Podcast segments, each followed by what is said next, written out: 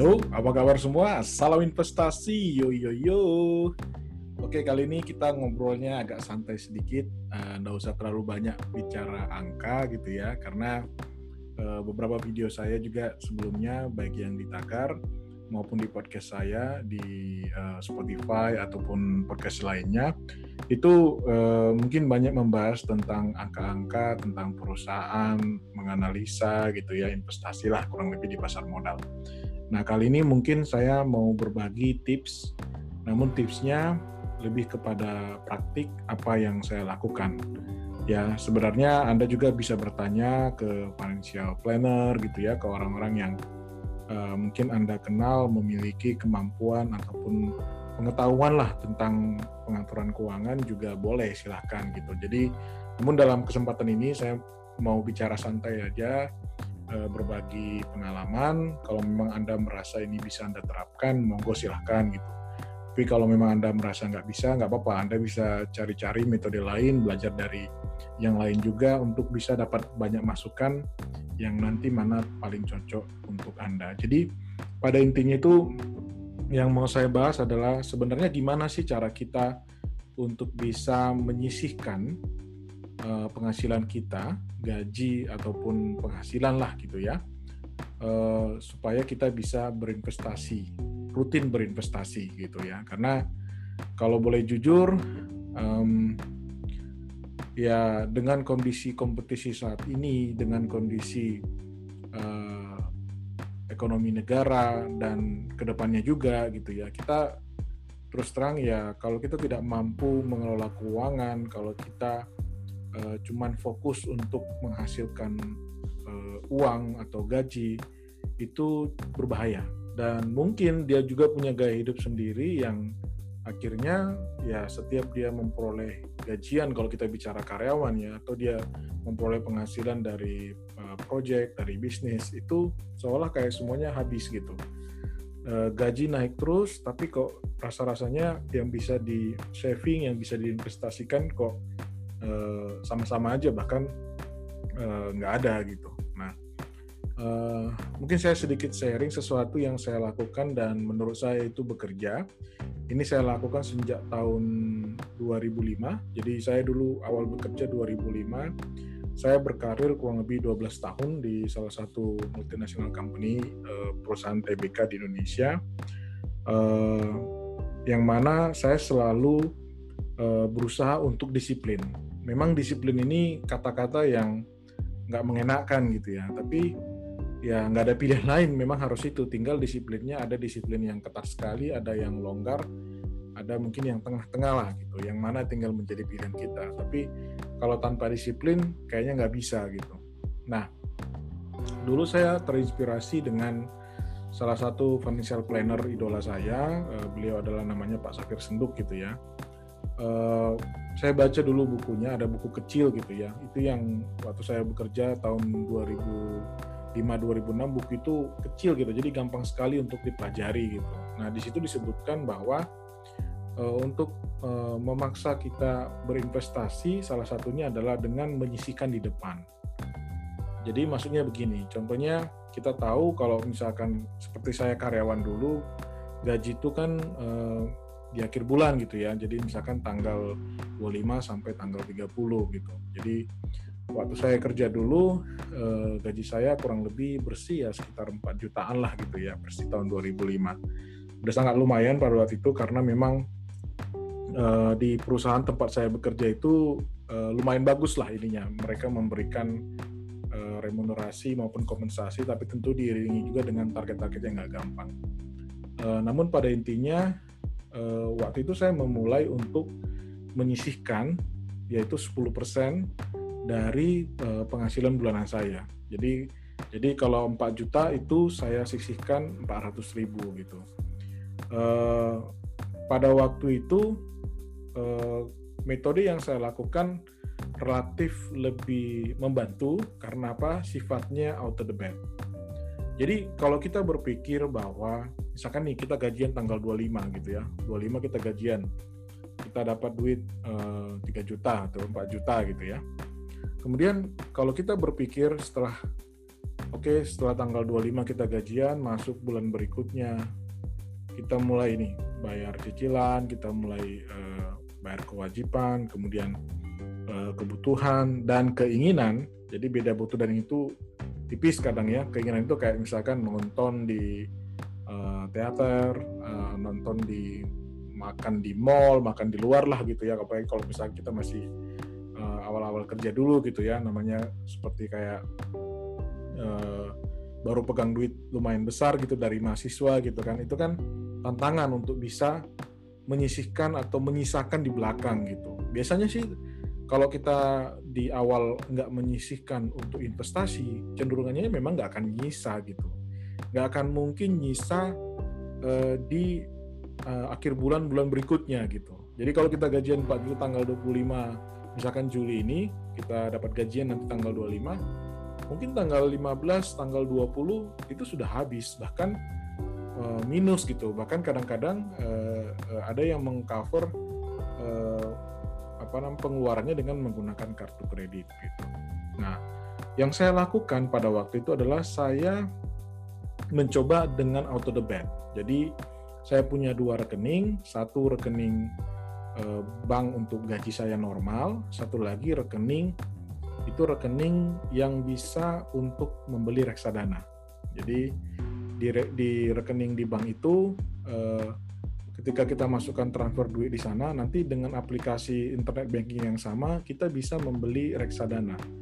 Baik itu reksadana saham, pendapatan tetap, atau reksadana pasar uang gitu. Kita nggak bahas itu dulu ya, tapi pada intinya itu ketika saya set gitu auto debit, saya set eh, ketika gajian tanggal 25 itu saya set langsung eh, kurang lebih di tanggal yang sama itu langsung tertransfer 10% eh, dari penghasilan saya untuk uh, masuk ke rekening uh, yang satu lagi yang bisa membeli produk reksadana. Gitu.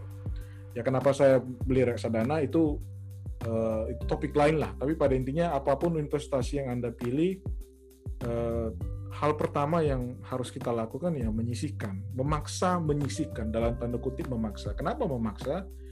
Karena dari saya pribadi gitu ya untuk uh, duit itu kalau digunakan untuk ini, untuk beli uh, keperluan, bahkan untuk bayar cicilan segala macam gitu. Pada akhirnya itu nggak akan tersisa di akhir bulan karena kecenderungannya kalau kita pegang duit itu gampang sekali untuk menghabiskan. Contoh sekarang misalkan kalau anda punya digital wallet gitu ya, uh, semacam seperti apa GoPay, OVO gitu kan. Kalau anda isi misalkan eh, sekarang 200 ribu atau 500 ribu itu biasanya kita iseng gitu iseng gitu kan. Ah hari ini mau mau apa pesan makanan apa gitu ya. Kadang-kadang iseng buka Tokopedia, buka Shopee, buka Bukalapak kan. Ah, ini mau beli apa? Karena kita merasa uh, kita punya cash yang siap untuk dibelanjakan. Ya, mungkin kalau zaman dulu nggak ada digital payment tapi kan ada kartu kredit gitu. Karena kartu kredit juga dulu teman-teman saya itu ditawarkan, saya juga ditawarkan gitu.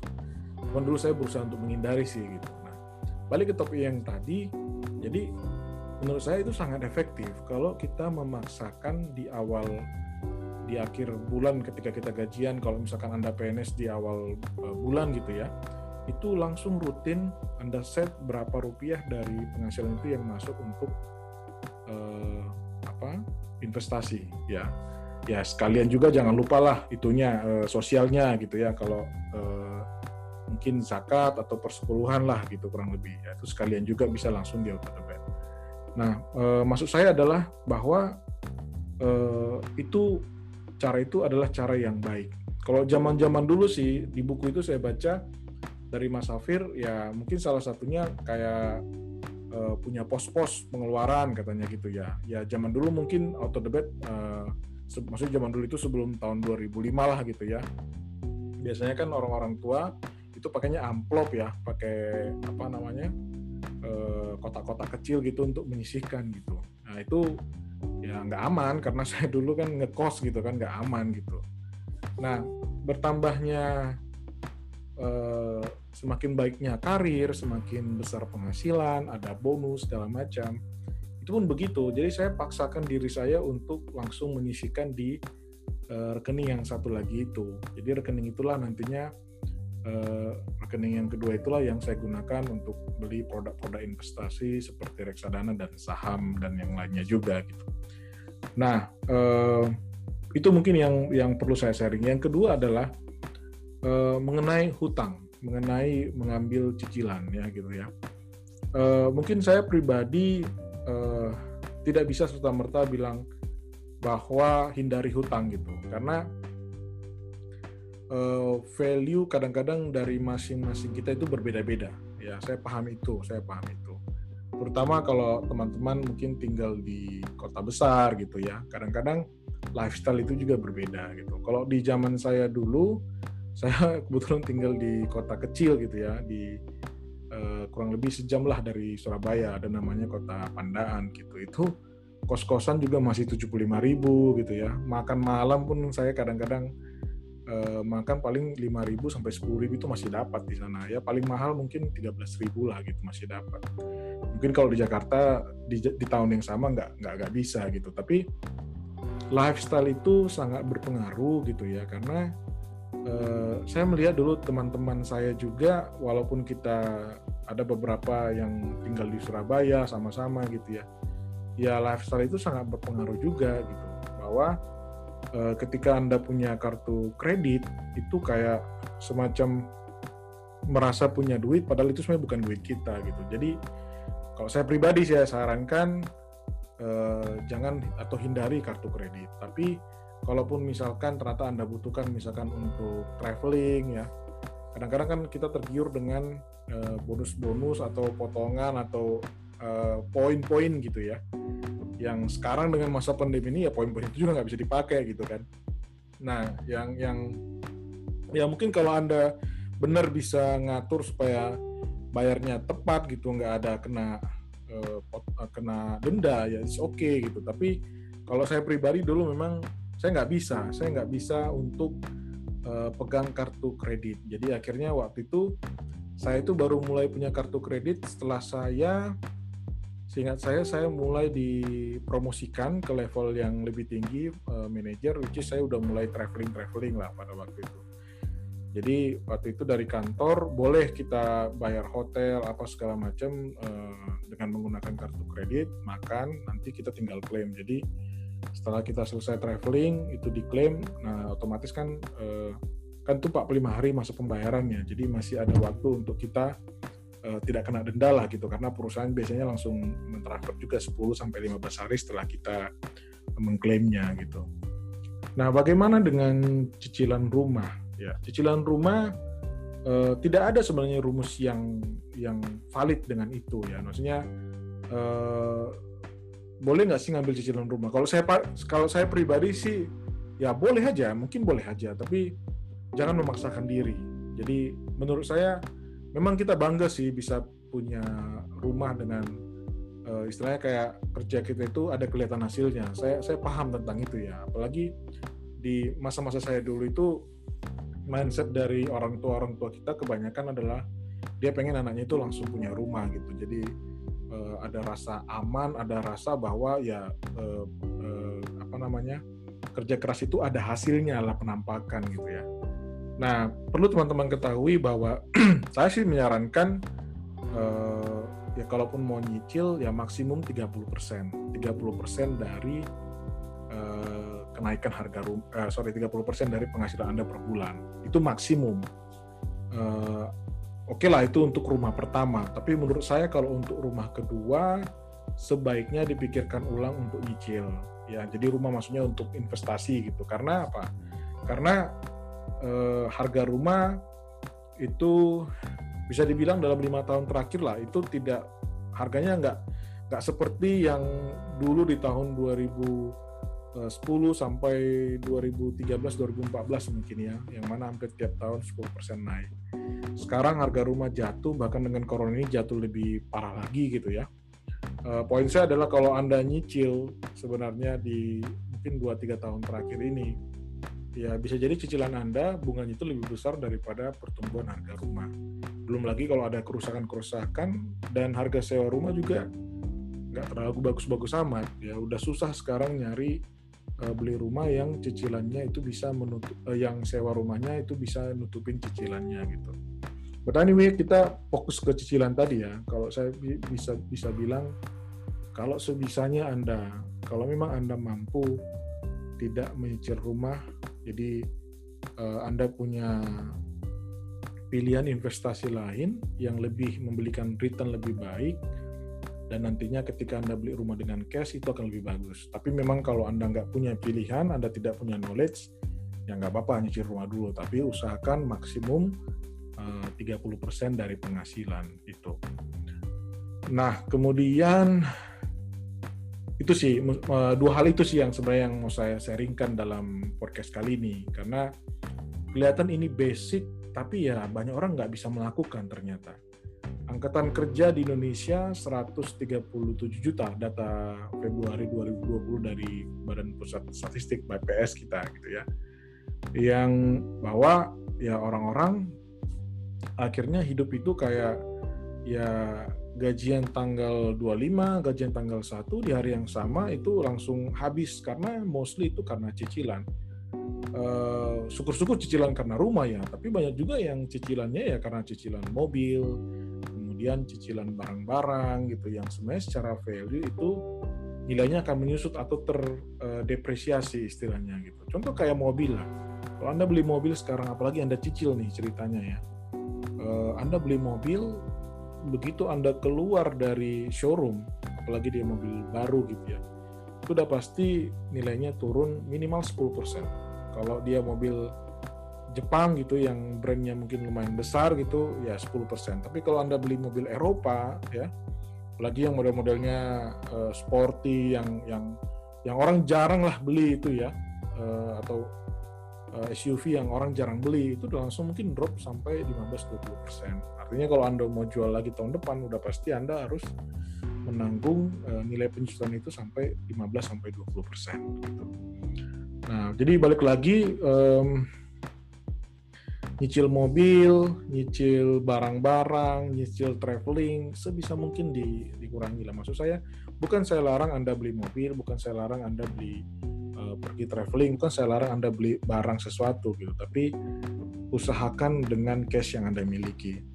Uh, kalau memang Anda pengen beli mobil atau Anda pengen beli sesuatu dan ternyata Anda nggak bisa bayar cash, mungkin memang belum saatnya Anda membeli saat ini gitu. Jadi percayalah kalau memang kita melakukan yang terbaik, eh, berkarir dengan baik, kalau kita misalkan di perusahaan, nanti kan penghasilan itu akan diberikan oleh Tuhan naik dan lebih baik lagi dan lebih baik lagi.